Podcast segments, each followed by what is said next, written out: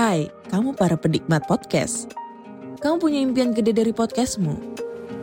Terus First Story bisa banget bantu kamu. Mulai dari F-Link, Dynamic Audio Insertion, sampai statistik yang komprehensif. Semua ada di First Story. Gak ketinggalan kamu bisa monetisasi podcastmu lewat iklan dari First Story Ads yang bisa kasih kamu penghasilan dari setiap place podcastmu. Yuk gabung sekarang dengan klik di firststory.me. Sekali lagi, klik di firststory.me. Mari kita bawa mimpi podcastingmu menjadi kenyataan.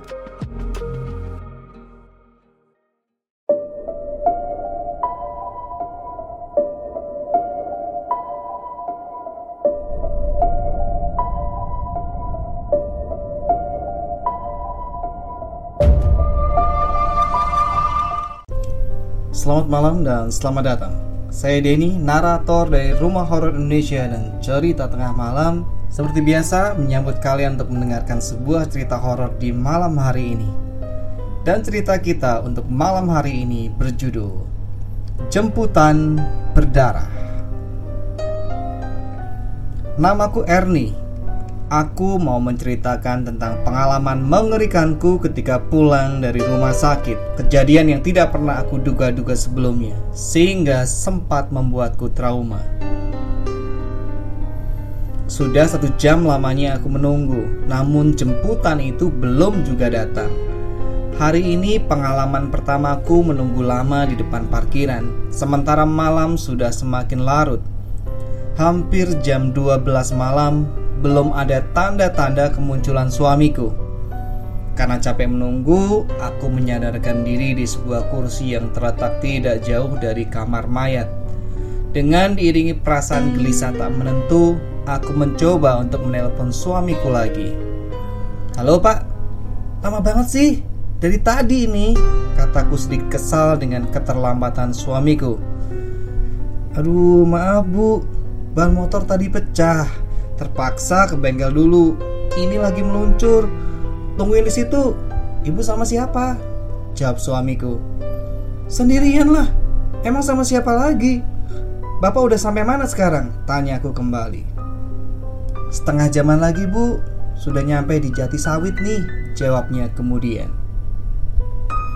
Aku sedikit tidak percaya dengan penjelasan suamiku itu.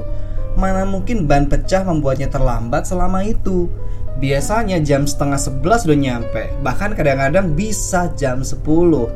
Kok ini ngaretnya terlalu banget? Jangan-jangan bapak selingkuh. Sebentar saja hal itu terlintas di benakku Namun aku tepis jauh-jauh. Nyatanya suamiku sedang dalam perjalanan menuju ke sini. Nah, suamiku malam itu memang datang menjemput. Namun kedatangannya ke tempat itu menjadi suatu tanda tanya besar hingga sekarang. Aneh dan menyeramkan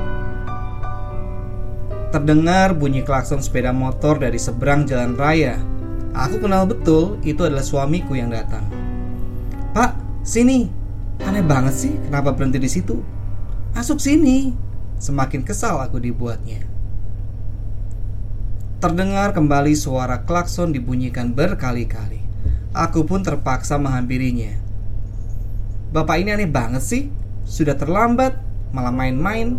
Lagi pula ke mana saja jam segini baru nyampe? Capek tahu Kataku jengkel, aku duduk membonceng.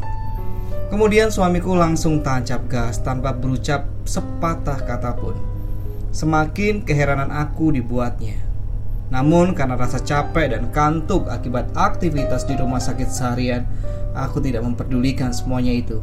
Aku peluk erat-erat tubuh suamiku untuk mengusir hawa dingin yang datang tiba-tiba menusuk tulangku. Ih, dingin banget sih tubuh kamu. Rasa aneh semakin menyelimuti. Tidak seperti biasanya, hawa tubuh suamiku terasa dingin seperti es. Kamu kenapa sih mas? Habis kejebur ya? Tanyaku. Namun tidak ditanggapi juga olehnya. Motor melaju semakin kencang.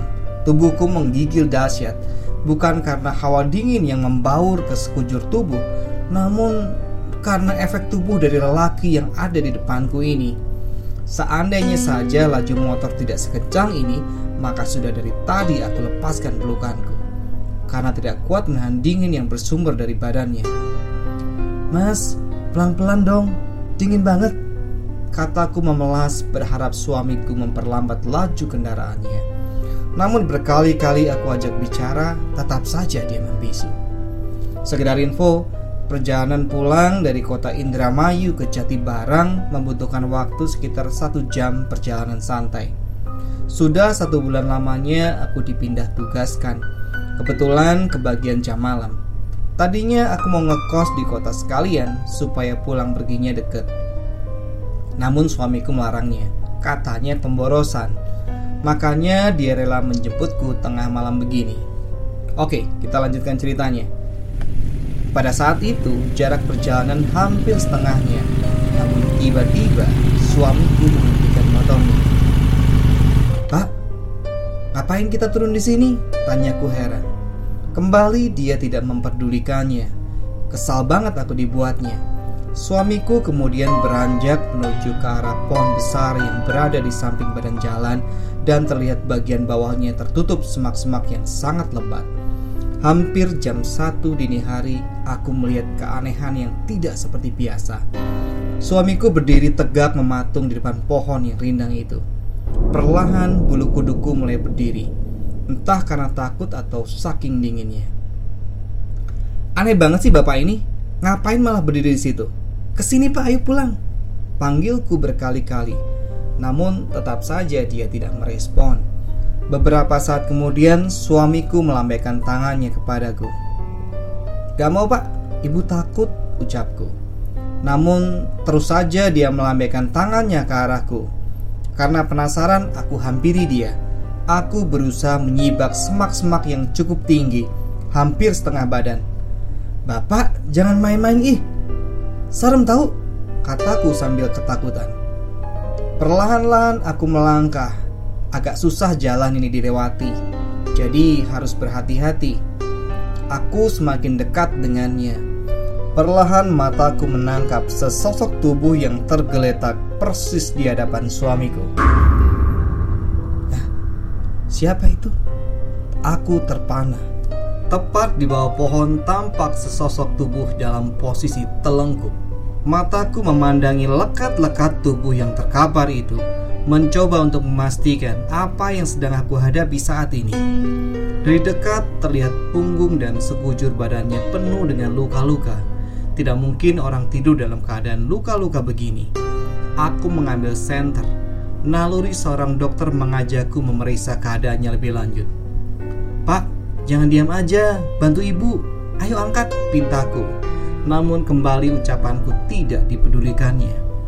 Terpaksa aku melakukan sendiri dengan susah payah.